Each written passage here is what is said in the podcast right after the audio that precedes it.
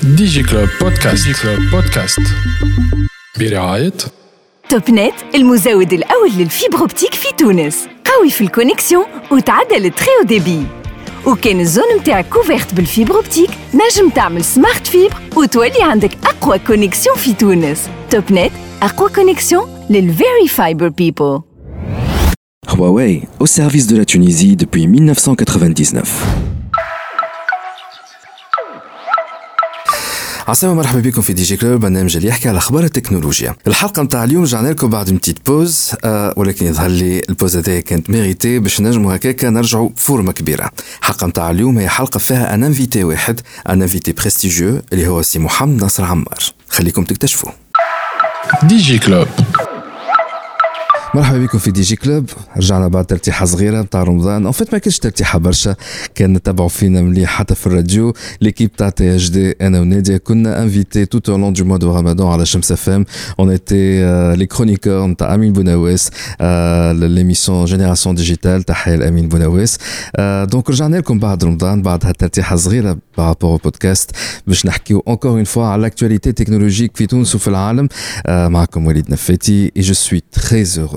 اللي اليوم اول انفيتي نتاعي بعد هالبريود هذايا تاع الراحة هو سي محمد نصر عمار.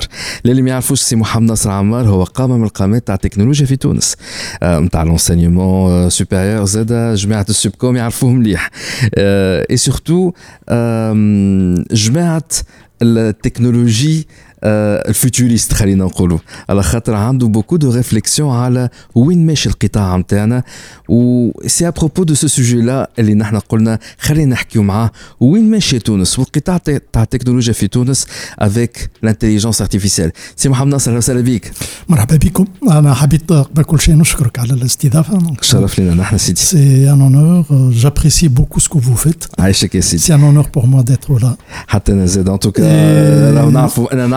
سي ناصر من قبل ملي كنت ان تي جورناليست كوم سا 15 16 سنة التالي وقت كان على تيت دو مينيستير أول ما بديت الكارير نتاعي في الجورناليزم هو كان وزير التكنولوجيا. نحن باش نرجعوا على هل على الكارير نتاع سي ناصر باش نحكيو على شنو عمل توت اون سا كارير وسي دو لا بتيت بارونتيز على رأس وزارة التكنولوجيا في البارتي الثانية من الانترفيو اللي باش اون فا سو فوكاليزي عليه توا سي ناصر ساعه نعيط لك سي محمد ناصر سي ناصر سي ناصر Nasser. C'est comme si un prénom composé, Nasser tout court. C'est Nasser. Parce ben, que le Mohamed.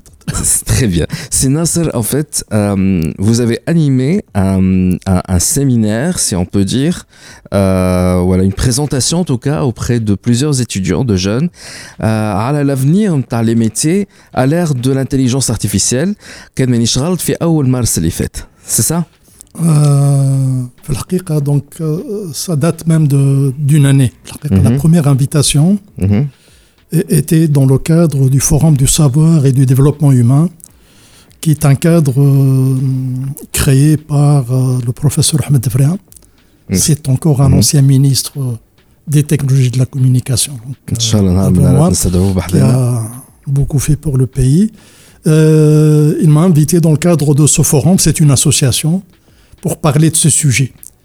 Et euh, c'est là que j'ai commencé à regarder les études, ce qui se fait dans le monde, un peu l'impact. Mm -hmm. Et j'ai donné la première conférence à l'Initiano voilà. sur le sujet. Et la dernière fois, c'était de Alors la dernière fois, en fait, il faut dire que la première euh, intervention, ce qui n'allait pas, c'est que j'avais un, une audience avec une moyenne d'âge euh, supérieure à 50 ans. Euh, alors justement, ça m'a interpellé, parler du futur devant des, des, des des gens dans le futur, c'est le passé, le passé antérieur. Euh, je trouvais ça plutôt paradoxal. Et je m'étais dit, il faut bien que j'interagisse avec les jeunes et j'ai commencé à, à la donner dans un contexte plus universitaire euh, ou encore devant des lycéens récemment. Voilà. Euh, donc dernièrement, en tout cas, c'était l'école Pristini, c'est ça mmh, Absolument.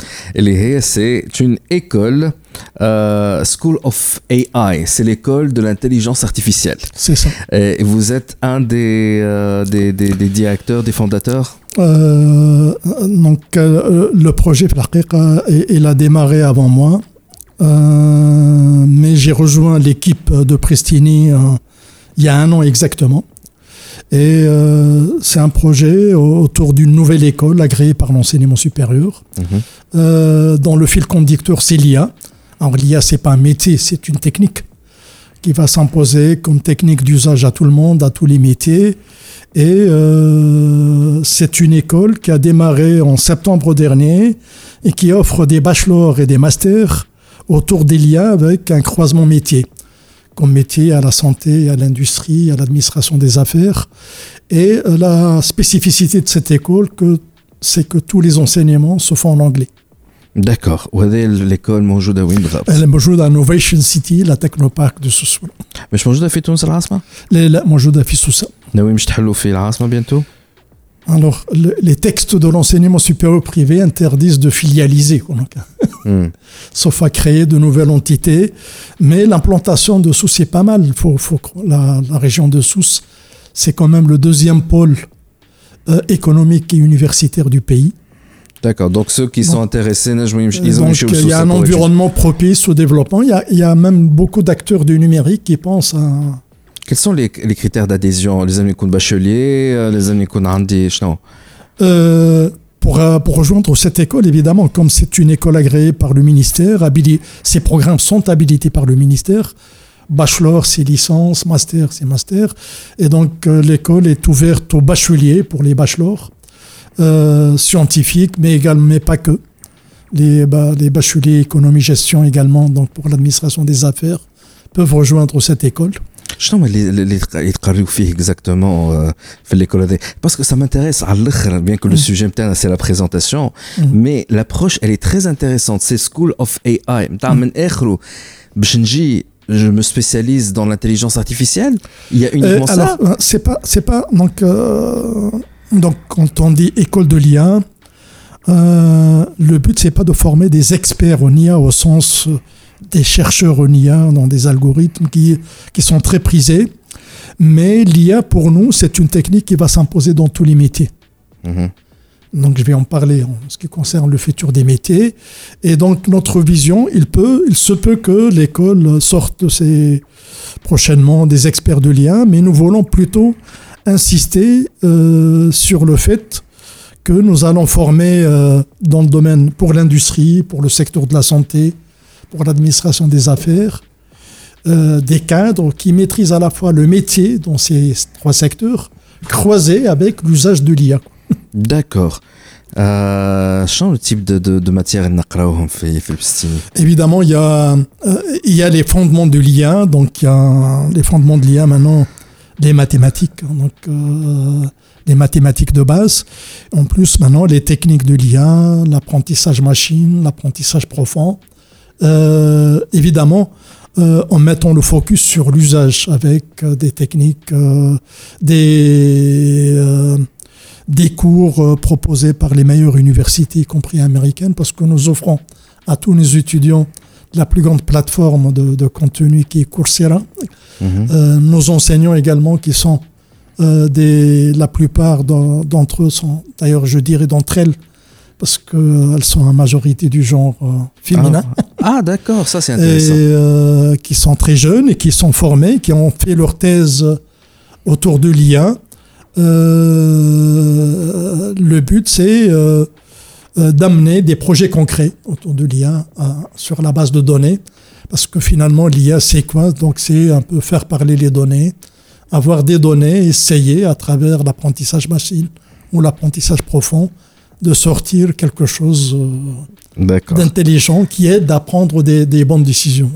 Très bien, excellent. Ben, حكيت انت قلت آه l'IA في الدومين دو لاندستري في الدومين دو لا سانتي effectivement توا هو من قبل التكنولوجيا نقولوا لي ترانسفيرسال elle touche à beaucoup de secteurs لكن jamais on a parlé de la de l'impact de la technologie partout في tout, tout, tous les secteurs d'activité الموجودين توا قد البريود هذايا justement à cause slash grâce ça dépend de- du point de vue de chacun euh, à l'IA donc l'intelligence artificielle كتنجم تبدأنا تحكينا على le contexte général اللي بديت بها la présentation بتاعك euh, concernant les futurs des métiers avec l'IA Euh, absolument. Donc, euh, d'aucuns s'accordent à dire, euh, bon, maintenant, comme vous venez de le dire, euh, qu'il y a des transformations profondes dans le monde. qui impacte plusieurs domaines. le domaine géopolitique avec la guerre actuellement donc entre la Russie et l'Ukraine, mais également la guerre froide entre le bloc chinois et le bloc américain ou le bloc occidental. Euh, mais également, donc, euh, ça impacte le, euh, les économies en général, la société, l'environnement. Donc, c'est des transformations de plus en plus rapides. Et puis, sur le plan technologique, elles sont induites par ce qu'on appelle les NBIC, donc, un acronyme anglais. Ça veut dire qu'il y a la convergence de quatre domaines technologiques qui sont les nanotechnologies, les biotechnologies, euh, les technologies de l'information, c'est le I, et les sciences cognitives. Et donc cette convergence euh, est, en quelque sorte le moteur un peu des transformations technologiques actuelles. Et on a assisté récemment, avec notamment la pandémie de Covid-19, à une accélération de cette transformation. Euh, à telle enseigne qu'un vaccin a été mis au, moins par, mis au point par Pfizer en un temps record. Avant, on mettait au point un vaccin en l'espace de 20-30 ans, en deux ans. Donc, et tout ceci grâce justement à ces, ces, ces, techniques de l'IA, entre autres. Et évidemment, ceci euh, amène à penser, parce que derrière, quand on dit technologie, l'homme et la société sont toujours au centre, au cœur des préoccupations. Et la principale problématique qui s'oppose pour l'homme et la société, c'est euh, la problématique de l'emploi ou bien du futur du travail. Mmh. C'est ça la problématique que j'ai abordée euh, à l'occasion de plusieurs présentations. Et justement, fait la présentation vers une société 5.0. Qu'est-ce les versions voilà. 1.0, 2.0 Qu'est-ce la société 5.0 Bon, donc quand on, on revient à l'histoire de l'humanité, euh, Homo sapiens donc le premier homme qui est apparu sur Terre avec un cerveau humain, donc à réfléchir, c'était euh, entre il y a 100 000 et 200 000 ans. Mhm.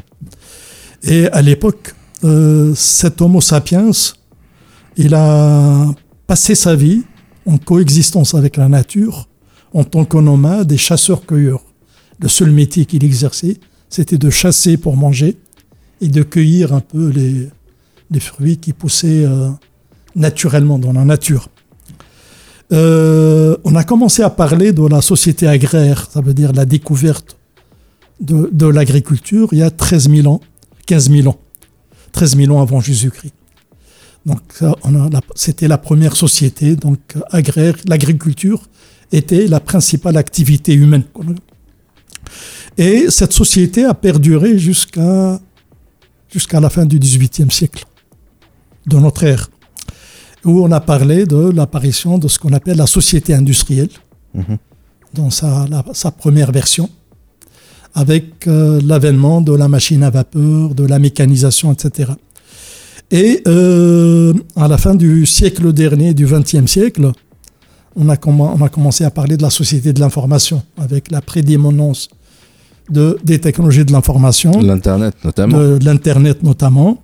Et puis, euh, depuis le 21e siècle, une vingtaine d'années, on, parle de Smart Society. Euh, moi, je dirais société des intelligences, toute intelligence confondue, y compris l'IA, mais les autres formes d'intelligence humaine. D'accord. Et donc là, vous pensez que nous allons vers une nouvelle, un nouveau type de société? Absolument. Donc, ce qui, ce qui est nouveau un peu dans cette, euh, dans, cette révolution industrielle, par rapport aux anciennes. Il faudrait savoir que la problématique de l'emploi a été traitée par des grands penseurs, hein, donc euh, économistes et autres, depuis Adam Smith, donc, euh, au XVIIIe siècle, le, père du courant libéral. Mais euh, pour, pour ne pas rester dans ce courant libéral, je citerai Karl Marx également, donc a étudié un peu le, le travail, Émile Zola, qui est un grand écrivain, euh, donc, dont l'œuvre phare, c'est Germinal, le travail dans les mines.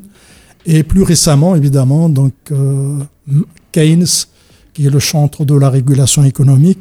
Alors, tous ces grands penseurs se sont penchés sur l'impact du progrès technique sur le travail humain. Et euh, Mais vous me diriez, alors, euh, qu'est-ce qu'il y a de nouveau? Donc, derrière chaque progrès, il y a un travail humain. Ce qu'il y a de nouveau, ce qui est nouveau actuellement, c'est qu'avant, donc, l'impact sur le travail, ça touchait plus les emplois manuels, les ouvriers dans les usines, qui sont remplacés soit par des machines et plus récemment par des robots. Mmh, mmh. Maintenant, on assiste avec l'émergence de la data, du numérique, de l'intelligence artificielle, euh, un nouveau phénomène qui est euh, que les, cadres supérieurs, les emplois qualifiés, sont également impactés par l'actuelle révolution industrielle. Mmh. Donc c'est la fin du clivage manuel intellectuel. Et donc des emplois, y compris très qualifiés, peuvent être impactés par l'intelligence artificielle euh, donc, euh, les ouvriers seront, seraient remplacés par des robots dans les usines, mais les cadres supérieurs pourraient être remplacés par des algorithmes dans les bureaux. D'accord. Et c'est ça qui a fait, qui a ravivé le débat autour de cette problématique mhm. récemment sur l'impact de la révolution en cours sur le futur des métiers. Et c'est pourquoi vous pensez, la, la société 5.0 Absolument. Justement, femme a une autre évolution. Elle est à l'industrie. On a parlé de différentes industries. يوصلنا آخر حاجة آخر ما سمعنا c'est l'industrie 4.0 وفجأة بدات une autre notion c'est l'industrie 5.0 قبل ما نحكيو على l'industrie 5.0 on dirait اللي la société ماشي encore avec l'industrie معناها par différentes versions حكينا على la société 5.0 حتى l'industrie وصلت لها قبل ما نحكيو على l'industrie 5.0 خلينا نرجع rapidement على l'historique زاد نتاع الاندستري هنا هي ال 1.0 هي 2.0 هي 3.0 وهنا هي ال 4.0 اللي مازال اصلا تونس ما وصلت لهاش وبدينا نحكيو على 5.0 دونك خلينا نرجعوا على l'historique تاع الاندستري Bah, L'histoire des révolutions industrielles, qui m'a le secteur industriel, il est récent, très récent, donc ça date du 18e siècle. Euh, donc l'industrie 1.0, c'est l'ère euh, de la machine à vapeur, Mhm. de la mécanisation. Donc, euh, euh, l'industrie 2.0, c'est la fin du 19e siècle. Donc, on, a, passé euh, un siècle pour atteindre la deuxième révolution industrielle. elle a été tirée par l'électricité. Donc, l'énergie électrique, le pétrole, entre autres, comme source d'énergie avec la production d'électricité. L'industrie 3.0, c'est le 20e siècle, donc au milieu du 20e siècle, avec l'avènement de l'automatique dans les chaînes industrielles, mhm. l'automatisation de la production industrielle. Et on a commencé à parler de l'industrie 4.0 uniquement en 2010, donc il y a à peine 12 ans. Euh, et euh, euh, ce qui est nouveau dans l'industrie 4.0 par, par rapport aux anciennes révolutions industrielles, en deux mots brièvement, c'est euh, avant on était dans une logique euh, comme modèle économique de production de masse, sans se soucier aux, clients. Donc il y avait une barrière pour faire de l'investissement dans l'industrie. Euh, il faut des économies d'échelle pour avoir la rentabilité. Ce qu'on appelle c'est les cassarots. on ne pouvait pas concevoir une industrie à petite échelle. Avec le, ce qu'on appelle le taylorisme. Le, le, ce qui se passe chez nous, l'exemple des usines de la loi 72, c'est un exemple de la fabrication en série.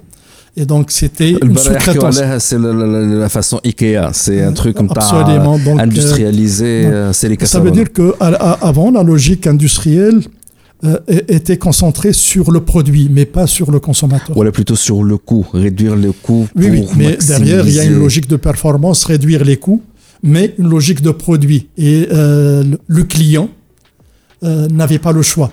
À mon époque, vous, vous étiez très jeune, j'ai vécu dans les années 60, 60 70. J'étais euh, enfant, adolescent à cette époque.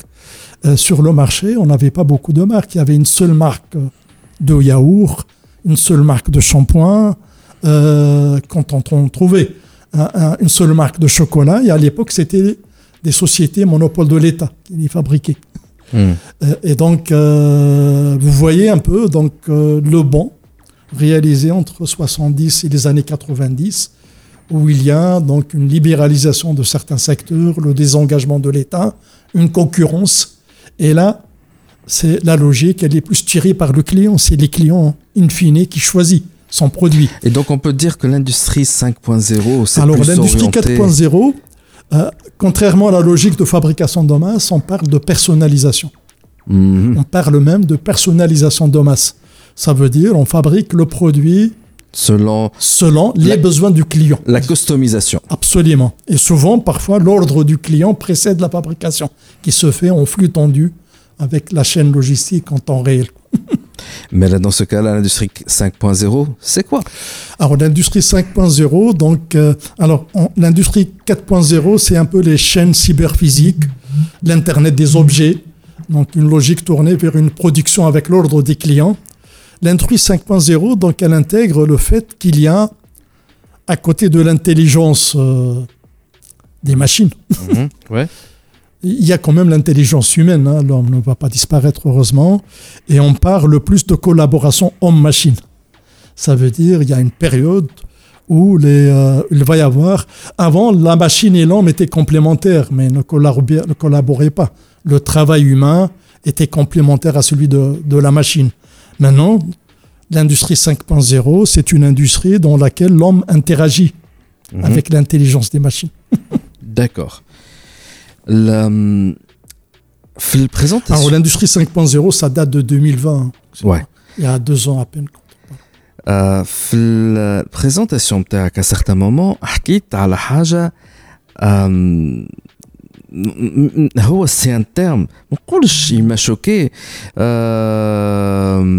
مي سيتي ان تي بو نتاع ان فيت الكلمه هو قال يوزلس بيبل Et du coup, avec cette nouvelle forme de technologie, on va parler de plus en plus de personnes useless, en inutile. inutile. Donc imaginez قوة الكلمة شنو هي وعلاش وكيفاش بعد البوز هنا راجعين. دي كلوب. توب نت أقوى كونيكسيون للفيري فايبر بيبل. Huawei, au service de la Tunisie depuis 1999. رجعنا معكم في دي جي كلوب معنا سي محمد ناصر عمار اكس مينيستر دي تكنولوجي بروف يونيفرسيتير تبارك الله عنده بليزيور كورد ا سون ا سون ارك نحن باش نحكيو معاه على الكارير نتاعو من بعد ولكن توا اون سو فوكاليز سور ليستوار نتاع ليا نتاع ليفولوسيون جوستومون دو لاندستري ليفولوسيون نتاع لي سوسيتي اون a parlé de la société 5.0 maintenant وصلنا توا l'industrie 5.0 aussi grâce à cette IA là et ظهر ان terme يخوف useless people ناس كيفاش نقولوها باللغه العربيه ناس آه ما عندهم حتى نفع خلينا نقولوا بالدارجه ما عندها حتى نفع مع اللي فما ناس اللي ما عندهم حتى نفع في الحقيقة كما عرجت قبل سكي نوفو avec ce qui se passe actuellement dans le monde en termes de révolution technologique فما trois phénomènes d'abord que l'automatisation commence à toucher des emplois qualifiés ce mm -hmm. qui ne, ne, se faisait pas avant des cadres supérieurs qui sont menacés euh, Deuxième, donc, ce qui annonce comme deuxième phénomène la fin du clivage physique cognitif. Avant, donc, euh, c'était le travail physique qui était plus impacté par la robotisation, l'automatisation, le travail manuel. Et le troisième phénomène, c'est l'étendue du secteur d'activité. Il n'y a pas un secteur d'activité humaine qui ne soit pas impacté par euh, ce qui se passe actuellement. Euh, et donc le débat actuel, il est très controversé. Hein. Il y a grosso modo deux courants. Euh, un courant qu'on pourrait qualifier de pessimiste, pour ne pas dire de gauche, avec beaucoup de chercheurs, d'essayistes derrière, hein, donc euh, des, grands noms américains, des grandes universités américaines entre autres, qui évoque un peu que le travail va se rarifier avec l'avènement des machines intelligentes.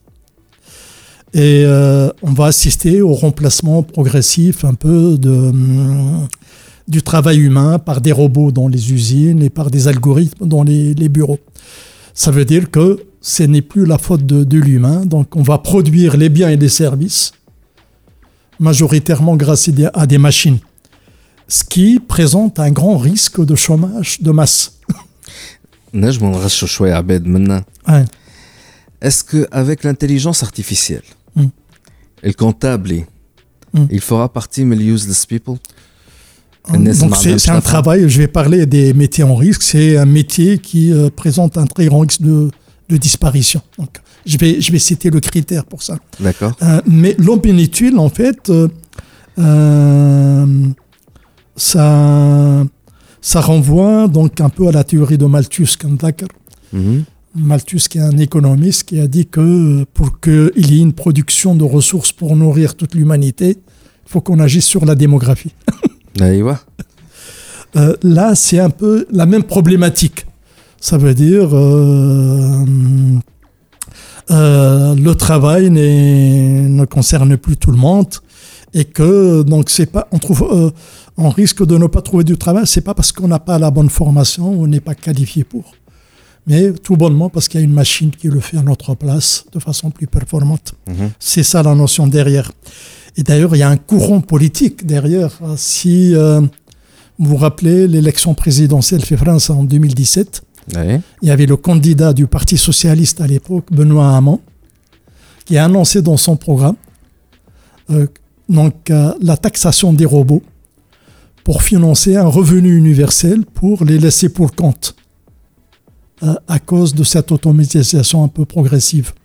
Et c'est une idée qui, euh, est euh, proposée par des grands penseurs économiques, mais pas, uniquement à gauche, parce que je crois que euh, Bill Gates et Elon Musk adhèrent à cette idée euh, de revenu universel en quelque sorte, pour que l'homme puisse avoir un revenu pour subsister, parce qu'il ne va pas trouver de l'emploi. Vous pensez pas si Nasser a laissé un peu un débat hypocrite من عند Bill Gates ومن عند ايلون ماسك وقمة النفاق Ouais. من عندهم هما هذوما اثنين اللي هما qui sont en train de pousser à une vitesse grand V à l'utilisation et l'adoption de l'IA نذكروا l'IA آه، موجودة في الكرهة نتاع ايلون ماسك تسلا la voiture automatique آه، et donc en même temps يجي يتشكى ويتبكى بلوتو مش يتشكى يتبكى خا- خايف على العباد À l'humanité. l'humanité مش قمة النفاق Oui, donc ça c'est un avis personnel. Là, maintenant,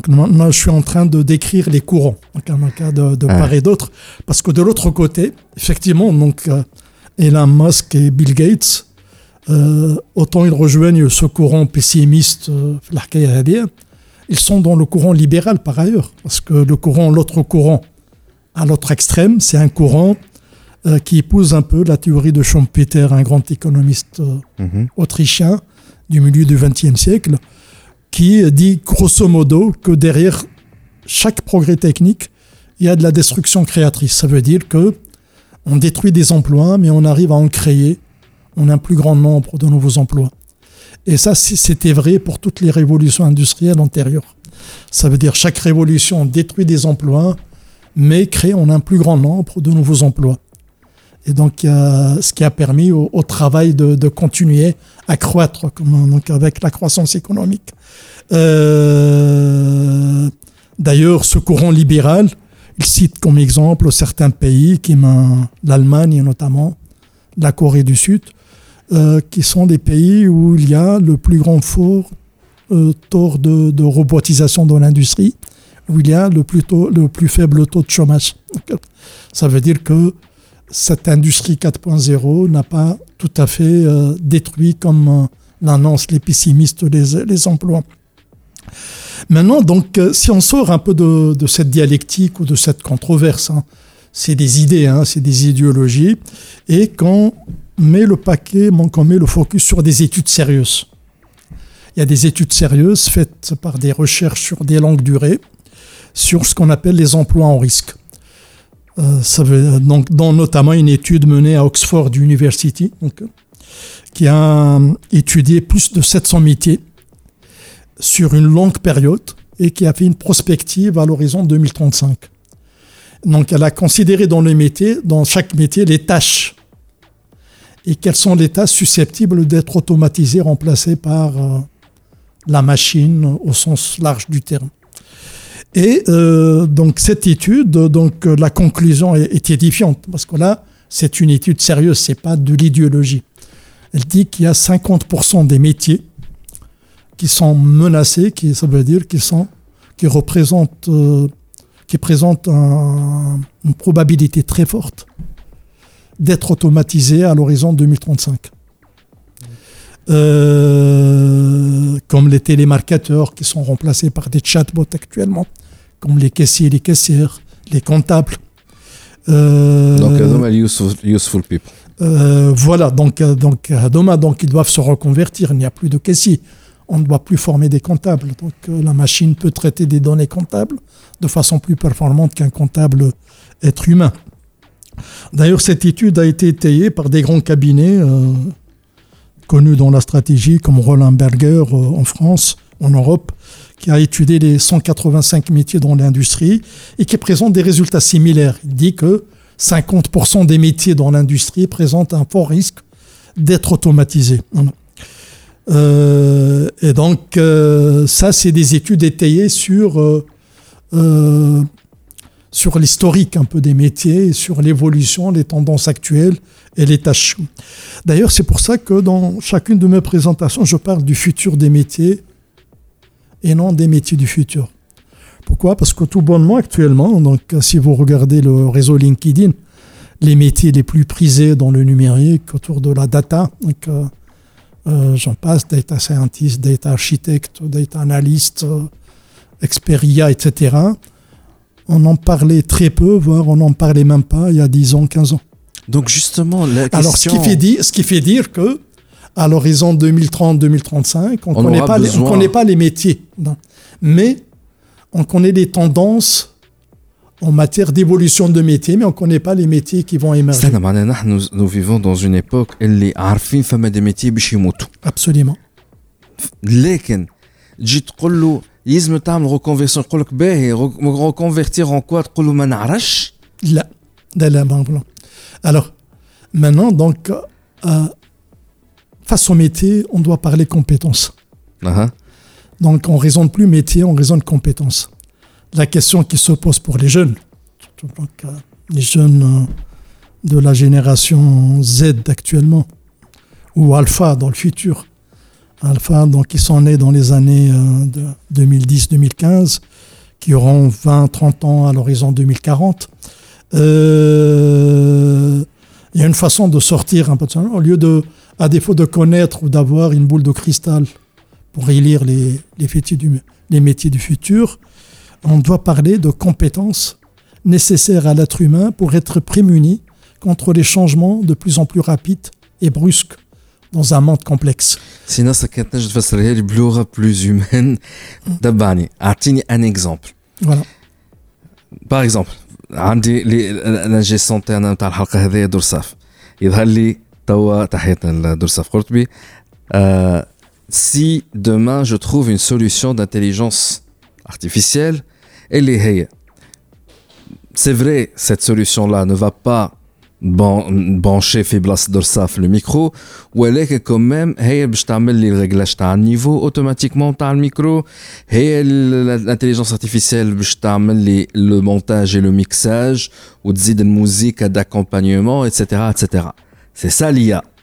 باهي et encore معناها grâce à ça نولي نجم انا نبرانشي وحدي الكابل ونجي نحل الميكرو نبدا نحكي et j'aurais plus besoin d'un ingé son et donc واحدة كيما درصاف كي تسمع ليبيزود كيما هكاك شنو يلزمها تعمل باش تقولك خليني الوب دو 30 2030 2040 نكون توجور مش من جماعه اليوزلس بيبل ونقعد بطال شنو يلزمها تعمل سي كوا لو مود اوبيراتوار لو فونكسيونمون Voilà, donc euh, en matière de formation, euh, donc on parle davantage de compétences. Donc on passe d'une ingénierie de la formation à une, ingénierie de la compétence ou des compétences.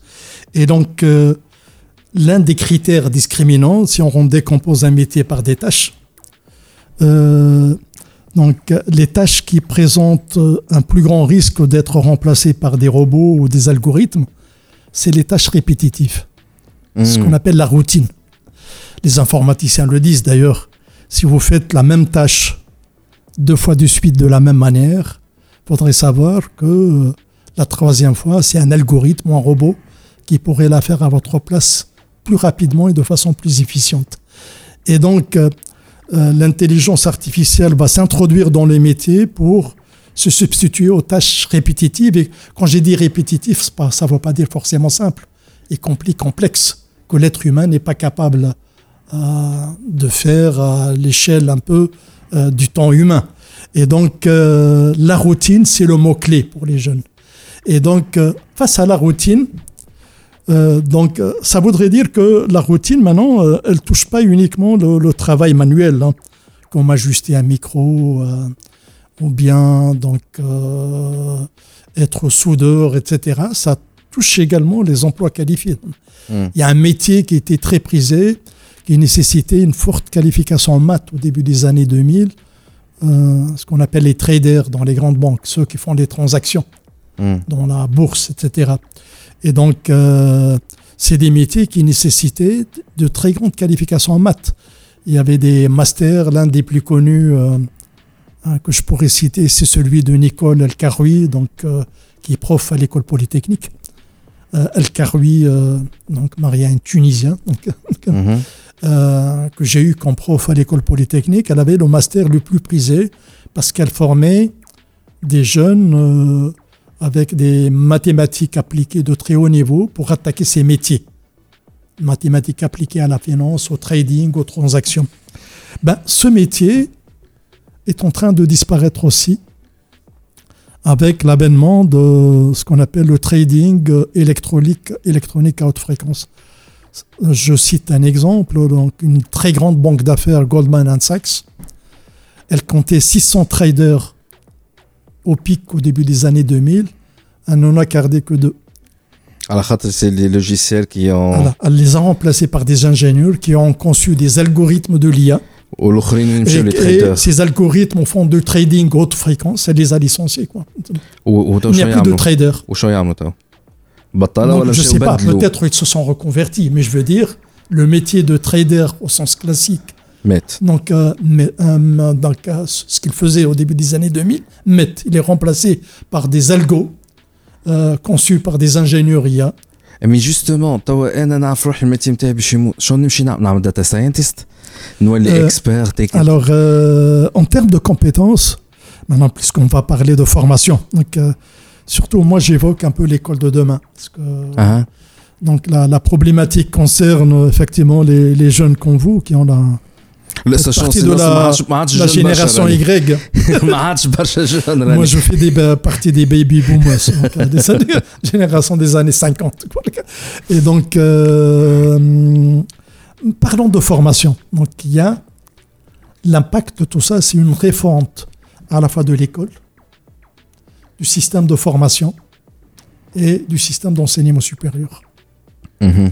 L'école, depuis l'école de base, depuis l'école primaire ça veut dire qu'il faut penser à une refonte de l'école pour que les gamins soient armés pour affronter ce monde, d'ailleurs qui qualifie de VUCA en anglais, un monde dit volatile, incertain, complexe et ambigu.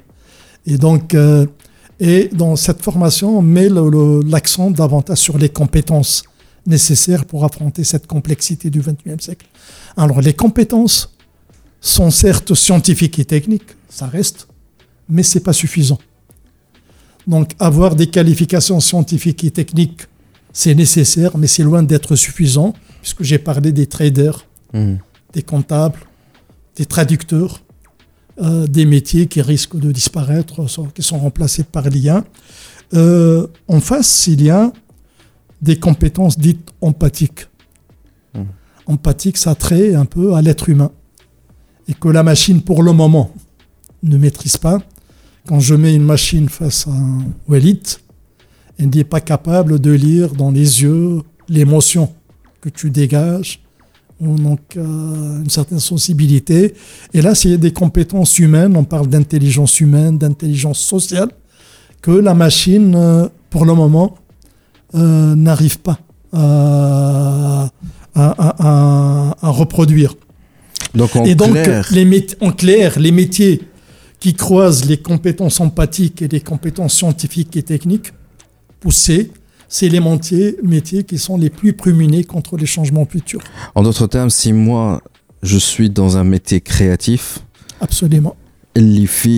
la machine a encore des limites pour le moment on ne sait pas oui ça il y a toujours de l'avenir le métier il y a de, la créativité il y a du design il y a donc l'intelligence humaine et moi je suis de, de ceux qui pensent que c'est un peu trop simpliste de penser que l'intelligence de la machine a dépassé l'intelligence humaine. Vous pensez? Oui. Donc l'intelligence artificielle, le mot intelligence dans l'intelligence artificielle, euh, euh, il, renvoie à quelque chose de faux. Ça n'a rien à voir avec l'intelligence humaine. Parce que finalement, c'est quoi l'intelligence artificielle? On ingurgite un grand nombre de données, on demande à la machine de reproduire. Hmm. Donc, ce qu'on appelle l'apprentissage massif ou l'apprentissage profond. Il faudrait savoir qu'un bébé, à la limite, à l'âge de 3-4 mois, il est capable d'un coup d'œil de distinguer un chat d'un chien.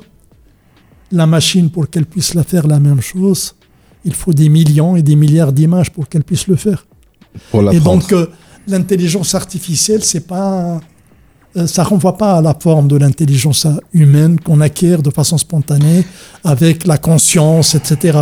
Hein. Donc, pour revenir à l'exemple d'Adrsaf, c'est que le travail à l'ingécent mécanique classique c'est l'intelligence artificielle qui pourra le remplacer, mais, faire le choix artistique.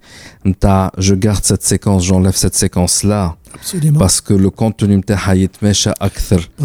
euh, avec hein, l'intelligence artificielle ne pourra pas le remplacer. Donc il y a derrière l'impact, parce que vous faites ça pour qu'il y ait l'écoute, un impact sur ceux qui vont regarder les podcasts. Hmm. Je Et vois. ceux qui n'écoutent pas de la même manière, n'ont pas les mêmes yeux. donc il y a de l'humain et donc il y a un regard sur l'impact émotionnel et ce de ce que vous faites et là, la machine n'est pas capable de faire. en d'autres termes, quand tu elle est répétitive وقاعد في في مرتاح ما تحبش تعمل des challenges تاع créativité راهو حضر روحك la machine va te remplacer معناها you have to outsmart ah, voilà. the, the, Alors, the machine. paradoxalement, paradoxalement, en second lieu, les métiers dits empathiques où il y a plus de la compétence empathique, mais pas nécessairement une qualification scientifique et technique poussée, sont également prémunis. Par exemple, l'aide à la personne, les infirmiers, les infirmières. Tout ça pourquoi? Parce que on n'arrivera jamais à avoir un robot qui puisse un peu comprendre, interagir. Tous les métiers qui ont une interaction, une proximité avec l'être humain mhm. euh, sont hors de portée un peu de l'intelligence artificielle. Euh, peut-être qu'il arriverait un jour, mais ça serait trop coûteux de penser à un robot qui arrive à comprendre les besoins d'un patient pour lui donner le médicament au bon moment, ou bien pour le piquer avec une piqûre, ou bien de, de lire un peu dans ce qu'il exprime le besoin. Mhm, d'accord. Euh, et du coup, je me pose la question, hein, la loi 72, mm. elle est tout, c'est une destination, fait la main d'œuvre, elle est pas chère. آه اللي تنجم تلقى عاملين وعاملات يعاودوا نفس التكنيك نوتامون في المصانع نتاع يجاو عنا وهاي زاد طاح الدينار ونحن قراب في الترونسبور لوروب يجاو عنا برك يبقى فينالمون avec cette intelligence artificielle نحن وين ماشيين est-ce que cette loi 72 elle sera toujours valable Je crois.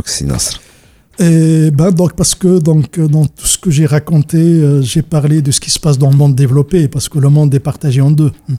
Il y a les pays développés et les pays en développement de l'autre. Alors les pays en développement ont longtemps vécu avec la logique de rattrapage industriel. Alors en matière de rattrapage industriel, comme la loi 72 chez nous, il y a des pays plus ou moins avancés. Mhm. Les pays les plus avancés, on la Chine et l'Inde non seulement ils ont pu copier rapidement ce qui se passe dans le monde occidental, ils sont arrivés à un stade où ils maîtrisent la techno, où ils passent un peu donc euh, à une phase de production industrielle. Maintenant, donc, le nouveau paradigme économique avec euh, l'industrie 4.0, c'est que euh, il est hors de question de rester dans cette logique de rattrapage industriel. D'ailleurs, actuellement, si vous regardez les politiques économiques industrielles, politique publique qui est France et partout, on parle de redéploiement industriel. Ça veut dire que euh, euh, la logique de sous-traitance, euh, qui a longtemps dominé la globalisation avant, donc, quoi, donc on fait de la R&D, par exemple en France ou en Allemagne, et on sous-traite la partie productive de masse dans des usines tirées par le coût de la main-d'œuvre, n'a plus lieu d'être, puisque le modèle économique de l'industrie 4.0 n'est plus tant sensible aux économies d'échelle. Mhm. On peut faire de la fabrication en France et en Allemagne avec des coûts compétitifs indépendamment du coût de la main-d'œuvre. Ce qui amène les pays en développement à repenser, à sortir un peu de cette logique de rattrapage industriel et à, aller vers carrément l'industrie 4.0, l'industrie 5.0, de trouver une niche pour pouvoir produire, sachant que avec cette forme d'intelligence offerte par le numérique, les, euh, les, barrières ne sont plus insurmontables comme avant. En d'autres termes, hein, les pays, notamment notre pays, et un peu la stratégie ou la politique de la loi 72, il est à côté de la plaque. Absolument. C'est un reformatage complet qui doit être fait non seulement à l'industrie, mais à la bête, à la chater. توا أي مصنع يقول لك تاني نحل أنا في الريجون باريزيان ولا ما نعرفش وين في سود لا فرانس. لي روبو بلوس ليا أموري هانية وحتى فري دو ترونسبور ارخص من ان نعديها بالباتو من من تونس افيك لو كو دو لينيرجي اي افيك لو كو دو لينيرجي نطفي المعمل ما فماش عباد تخدم طفي عليا المعمل بقى الكونسونتراسيون نستعمل سورتو تو افيك لو ريشونمون كليماتيك تو عندهم بلوس دو جور انسوليي في في فرنسا دونك ils peuvent exploiter ça en d'autres termes كان si j'ai bien compris بلاد كيما تونس لازمها c'est pas uniquement le ministère de technologie c'est le ministère de technologie سي وزاره الصناعه ووزاره التعليم العالي وحتى الفورماسيون وحتى ليدوكاسيون تاع السيكوندير الكلهم لازم يقعدوا مع بعضهم pour trouver la nouvelle stratégie d'État par rapport à cette invasion خلينا نقولوا de l'intelligence artificielle على خاطر finalement مش رواحهم مش على برا برك اكثر من على برا برك نحن اون فا ماركي اون بتيت بوز وباش نرجعوا بعد البوز باش نحكيو pour terminer déjà par rapport à, la, à cette histoire de l'IA ou la présentation de Malta et on va passer بعدها باش نحكيو على الكارير نتاعك شنو عملت في الكارير نتاعك في تونس notamment à la tête du ministère des technologies même si c'était une toute petite parenthèse d'une année هنا راجعين دي Club TopNet أقوى كونيكسيون للفيري فايبر بيبل Huawei, au service de la Tunisie depuis 1999. جا معكم في خباتي من الانترفيو مع سي محمد نصر عمار آه عنده بليزيور كاسكيت مش نحكيو على هالكارير نتاعو تبارك الله لكن on va essayer de clôturer la partie عليا على خاطر عملت انت une présentation باش حكيت فيها على الفيتور نتاع لي ميتيي في في مع à l'ère de l'intelligence artificielle si on peut faire donc la conclusion de tout ça حسب رايك Qu'est-ce qu'il faudra conclure de tout ça? Quelles sont les recommandations Terakenti euh, ben, Les recommandations, quelles sont les leçons à tirer pour notre pays? Pour notre pays, surtout pour la Tunisie et les pays. en voie de développement en général. Euh, les pays en, en développement. Euh, euh, conclusion, quand on regarde les problèmes du pays, on a tendance à penser la Tunisie comme si c'était une grande nation très peuplée, كيما مصر كيما الجزائر كيما الصين on se compare etc كيما les, les États-Unis etc alors que nous nous représentons à peine que 0,15% de la population mondiale. Eh oui. Et c'est une chance.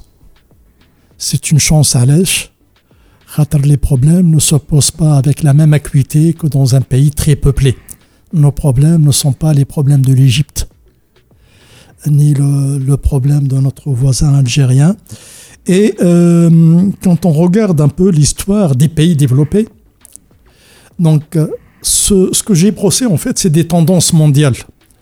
Alors dans les tendances mondiales, il y a des singularités, ça veut dire des pays qui, sans remettre en question la loi des grands nombres, euh, même s'ils ne sont pas très bien peuplés, arrivent à se trouver une voie, un chemin vers le développement.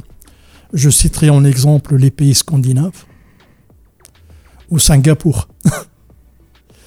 Et donc, euh, c'est une chance pour la Tunisie que de compter euh, que 12 millions d'habitants, avec une situation géostratégique intéressante euh, en Afrique, en Méditerranée, une ouverture vers l'Europe.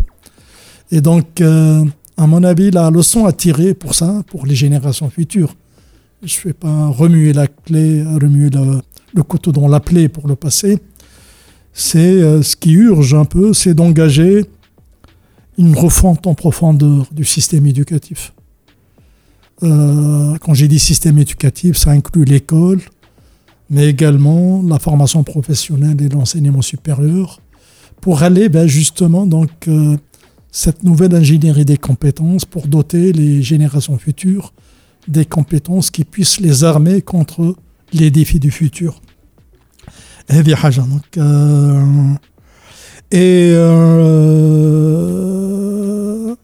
et donc c'est de trouver une voie un peu donc euh, cette singularité on peut pas avoir l'industrie de l'Allemagne ou la haja mais on peut se trouver une niche une vocation donc l'argent en fait euh, l'éducation en fin de compte, c'est la base. la formation, c'est la base. C'est les compétences. انت معاه ولا ضد ان نقريو الانتليجنس ارتيفيسيال ممكن غانا ساوند كليشي كما يقولوا نقريو من الابتدائي les notions de base dans l'intelligence artificielle. Vous devez savoir que euh, à la base de l'intelligence artificielle, il y a des compétences scientifiques avérées. Mm -hmm. Et les, les mathématiques ou le calcul et le codage. D'accord. Et ça, on ne doit pas attendre euh, euh, que, que, le jeune ait 20 ans pour l'attaquer. Si j'ai maintenant, maintenant, maintenant, donc il y a des langages adaptés. D'ailleurs, euh, j'annonce, hein, je ne fais pas de la publicité. Donc à Pristini, nous allons organiser, donc, au mois de juillet prochain, une école d'été pour les gamins, les lycéens, les collégiens, pour les initier à l'IA. Ça, c'est très intéressant. قداش مربي هكاك plus ou moins باش يعرفوا قداش plus ou moins قداش هكاك plus ou moins la date plus ou moins la date et plus ou moins قداش le budget اللي يسمع فيك يحضر من توا البودجي Non, on va faire venir euh, une professeure de Columbia University, donc c'est à travers le centre Columbia hmm. global que nous avons un lien, une dame qui s'est spécialisée dans l'initiation des gamins à l'IA. D'accord. Très bien. Et donc, si je suis un parent, on va Nasma Plistini. Eh ben, ça sera annoncé en temps opportun quand la date et les conditions sont fixées. D'accord. Et donc, il y aura une summer school pour euh, justement vulgariser l'IA pour les gamins. l'adresse l'adresse euh, de contact? La page Facebook, c'est Pristini. Pristini, P-R. P-R-I-S-T-N-I-I-N-I Très bien. Et vous allez avoir toutes les informations. سي محمد نصر عمار انت معروف في السيكتور من القدماء نتاع التكنولوجيا في تونس Euh, mais en fait, euh, vous avez euh, fait votre carrière, قريت déjà euh, في l'école des mines à Paris Tech, c'est ça euh, Avant l'école des mines, قريت في l'école polytechnique de France. Oui. Et donc. Euh... Donc, je suis parti avec le bac en 1976 في فرنسا donc vous l'avez obtenu le bac à في en tout cas في تونس et l'ayant réussi avec mention j'ai eu droit à une bourse de l'État pour partir faire une ce qu'on appelle les classes préparatoires à l'époque l'IPEST كانتش موجوده donc l'élite qu'on كانوا يبعثوهم لفرنسا pour faire prépa et donc j'ai réussi le concours d'admission à l'école polytechnique au BAD j'ai fait l'école des mines en tant qu'école d'application et j'ai continué à l'école des mines avec un PhD بعد روحت لتونس روحت لتونس في les milieux des années 80, c'était en 86 plus 86 précisément précisément شو عملت exactement faut dire que l'année 86 euh, pour ceux pour les jeunes qui connaissent pas l'histoire c'était une année critique pour euh, c'était la fin de l'ère Bourguiba donc le, le, pays était en crise économique sociale mm-hmm. à l'époque et euh, c'est 86 ça a coïncidé avec le premier programme d'ajustement structurel du FMI pour sauver le pays. Chose qui revient d'actualité en ce moment, paradoxalement. Alors, je suis rentré dans, euh, à cette époque. Qu'est-ce qui poussait quelqu'un donc euh, bien diplômé à franchir le pas À l'époque, on parlait de retour définitif. Mhm. à l'époque, les gens de ma génération, les Qabli, ils étaient devant la, euh, la problématique, soit le retour définitif à l'époque, soit définitivement ça climate Mais les générations qui me précédaient rentraient massivement pour le pays. Hein. Les diplômés des grandes écoles de France, hein. Hein, c'est eux donc euh, qui ont pu construire un peu donc euh, la Tunisie post post-coloniale au niveau industriel, au niveau des équipements, pour ne pas citer des grands noms, donc, mais que je salue, Allah yarhamu Hajj Latiri, l'un des premiers polytechniciens, euh, Tijeni qui est décédé euh, récemment, euh, euh, qui a construit l'industrie, qui a construit l'API, euh, qui était justement à l'origine de la loi 72, qui, qui se justifiait à l'époque, on ne peut pas dire. Et donc, euh, a une, une époque parce que en mon fort intérieur, parce que c'était pas un choix rationnel, la Trawa en fort intérieur, je me sentais plus attiré par euh, servir mon pays que de rester à, à l'étranger. Mhm. Donc, euh, euh, j'ai exercé un peu dans l'industrie pendant 4 ans. Mhm. Bah, j'ai rejoint l'enseignement supérieur au, au, début des années 90, en 1990. J'ai un grand parcours dans l'enseignement supérieur et plus précisément en relation avec les formations d'ingénieurs avec comme station l'IPEST, donc la prépa des grandes écoles.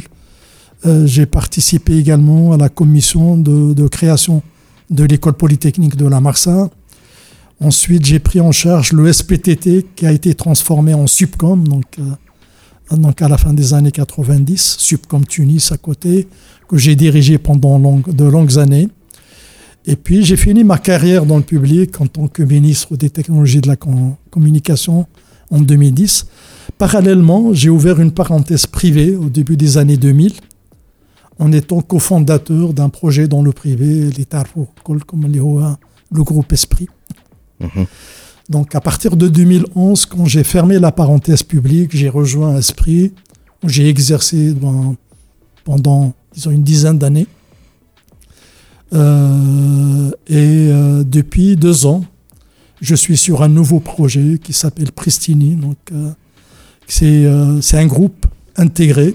C'est un groupe éducatif basé à Nouvelle-Suite parce qu'il y a une école, un collège et un lycée avec le modèle Cambridge anglais. Tout se fait en anglais. Et puis euh, une école universitaire autour de l'intelligence artificielle. Ça n'empêche que les grandes écoles en France parallèlement à mes vues, ma vocation, je suis membre de la commission des titres d'ingénieur. C'est la commission qui habilite les écoles d'ingénieurs en France. Je suis expert international. On me, sollicite pour participer à des audits pour accréditer des grandes écoles en France ou ailleurs.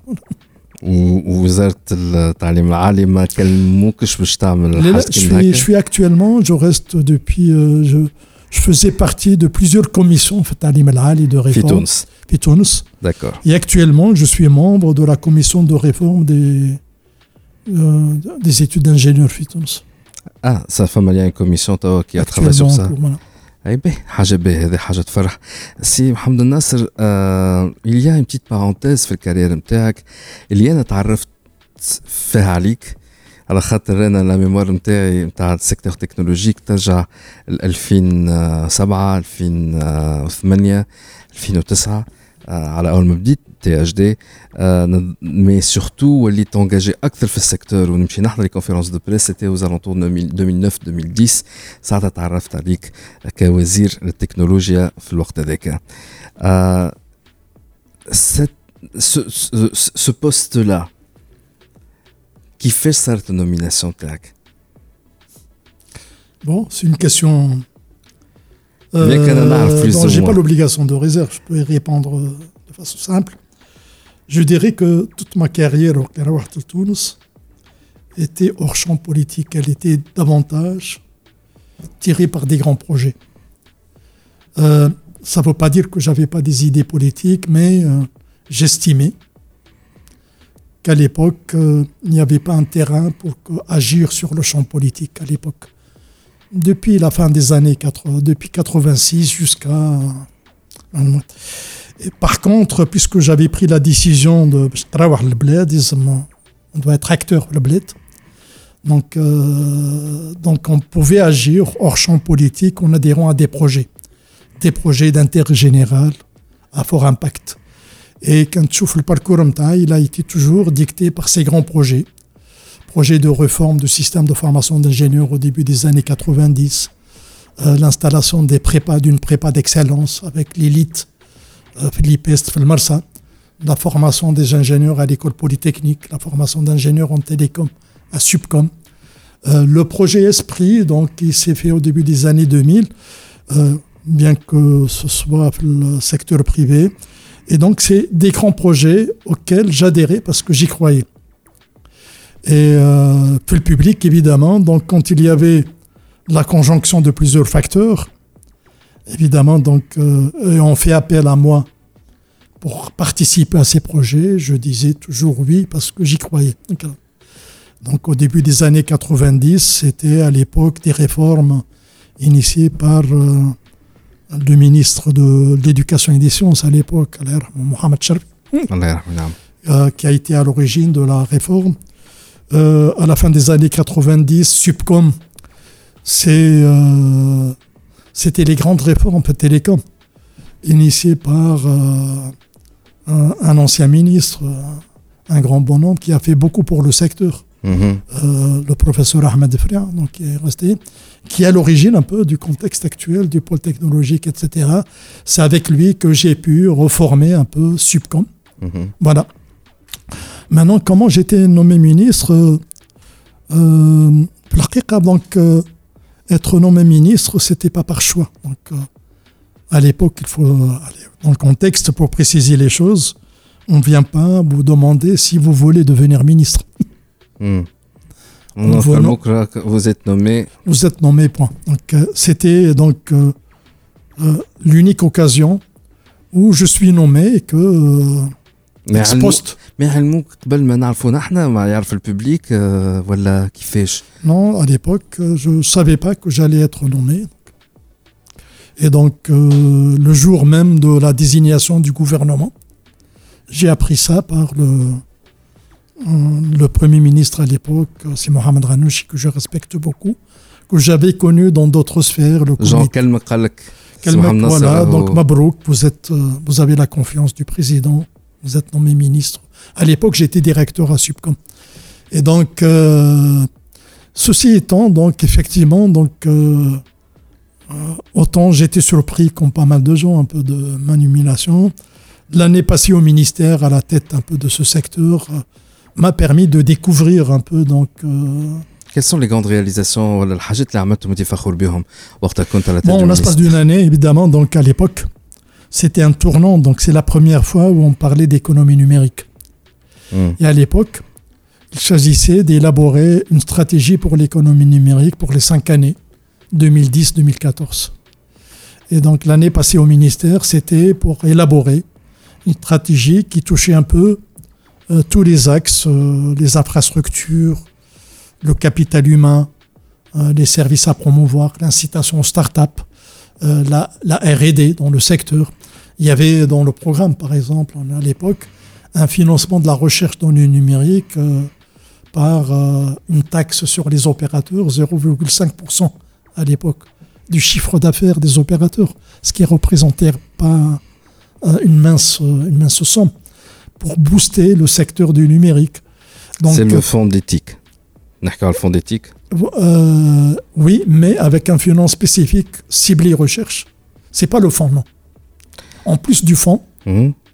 il y avait dans le programme de 2010 0,5% du chiffre d'affaires des opérations, des opérateurs qu'on piqué pour financer la recherche dans le numérique. Non, à l'époque, après, le 14 janvier 2011, il n'y a pas eu de. Il n'y a pas eu l'application de ça. D'accord, je, je, je, comprends donc, Voilà. Donc ça, c'était dans le programme, dans la stratégie. D'accord. فما حاجة هي ما فهمتش شكون طلعها الإشاعة. على أساس أنه عمار 404 جاي منك أنت. على خاطر لقبك عمار. ساشون جماعة السيكتور يعرفوا مش صحيح على خاطر عمار 404 والماشين دو سونسور تاع بن علي بدات بيان افون قبل ما تجي أنت. دونك شنو إجابتك على الموضوع هذا Ben, merci beaucoup pour la question. C'est l'occasion de lever toute ambiguïté entre mon nom et la dénomination Ammar 404. Effectivement, comme vous venez de le dire, Ammar 404 m'avait précédé. Ça date de 2007-2008. Donc, j'étais pas ministre à l'époque. Donc, ça prouve qu'il n'y a aucun lien entre mon nom et la dénomination. Maintenant, pour euh, euh, préciser une chose, parce que je pense que vous devez, vous faites allusion à la censure de l'Internet notamment. على خاطر نذكروا بتات هذاك علاش خرجت الناس حطت في مخها اللي انت ورا الماشين هذيك على خاطر سي سورتو في لي زاني 2010 وين قوه السونسور صارت نتاع الانترنت التونسي مع ماركة 404 وانت وقتها كنت ministre des technologies. ministre تكنولوجي بالرغم ما كنتش انت طالبها تقرا Mais فجاه pour ceux qui المزير me connaissaient, mais, mais il faudrait préciser que le ministre des Technologies de la Communication, le, ministère, c'est un ministère technique. Mhm. Et il n'a rien à voir avec euh, euh, des politiques en relation avec euh, la protection, osons le dire, la censure, qui relevait d'autres services et d'autres ministères, qui s'appuyaient certes sur la technologie, mais le ministère des Technologies de la Communication n'avait aucun regard sur cette politique. Et donc, euh, à l'époque, et là pour être témoin, j'étais observateur comme le commun des mortels de ce qui s'est passé. Je n'avais, euh, c'était pas le ministre qui faisait le boulot euh, de dire tous les matins, euh, faut fermer tel site ou tel site. Donc, je ne faisais que constater. Et ça échappait au contrôle du ministère des technologies de la communication. Bien qu'il y ait une agence technique qui était l'ATI, qui était la, donc la plateforme dans laquelle se faisait le boulot. Et donc ça c'est pour euh, c'est pas pour me dédouaner, mais il faut préciser que euh, sans remettre en, question donc euh, l'existence de cette cen- cen- censure, si elle est si elle était censée ou pas, mais contrairement à ce que pensaient les gens, elle ne relevait pas du contrôle du ministère. Au moins les choses sont maintenant au clair for the record comme on dit en anglais. Voilà. Et puis Ammar 404, ça n'a rien à voir avec Nasr Ammar.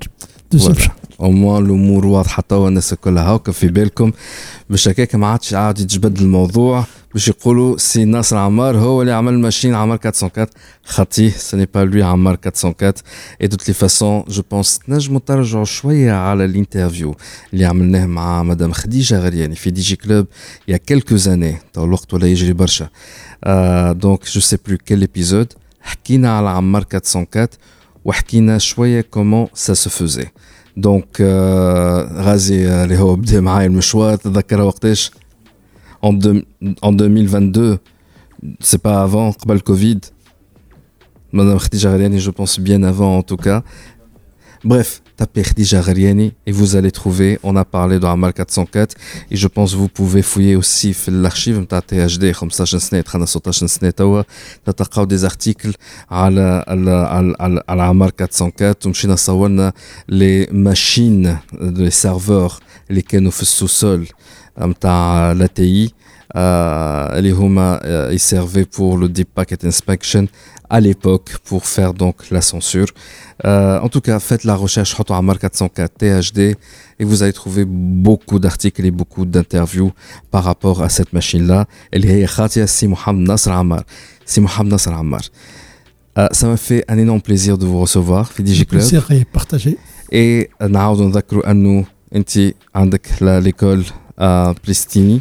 Actuellement, je suis sur un nouveau projet autour d'une école sur l'IA qui s'appelle Pristini School of AI, qui est voilà, basée, à Innovation City, Technopark de Sousse, Voilà, et, donc... qui offre aux, euh, elle relève de l'enseignement supérieur et qui offre aux jeunes l'occasion de, de, se former sur les techniques de l'IA de façon croisée avec des métiers qui mènent l'industrie, la santé, l'administration des affaires et peut-être d'autres secteurs à l'avenir.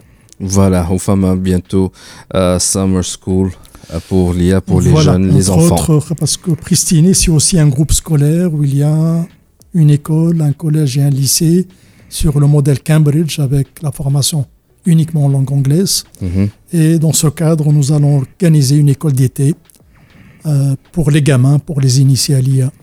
Voilà. Ça sera annoncé sur le site de Pristine. Très très bien. Et sur la page Facebook. Voilà. Merci beaucoup.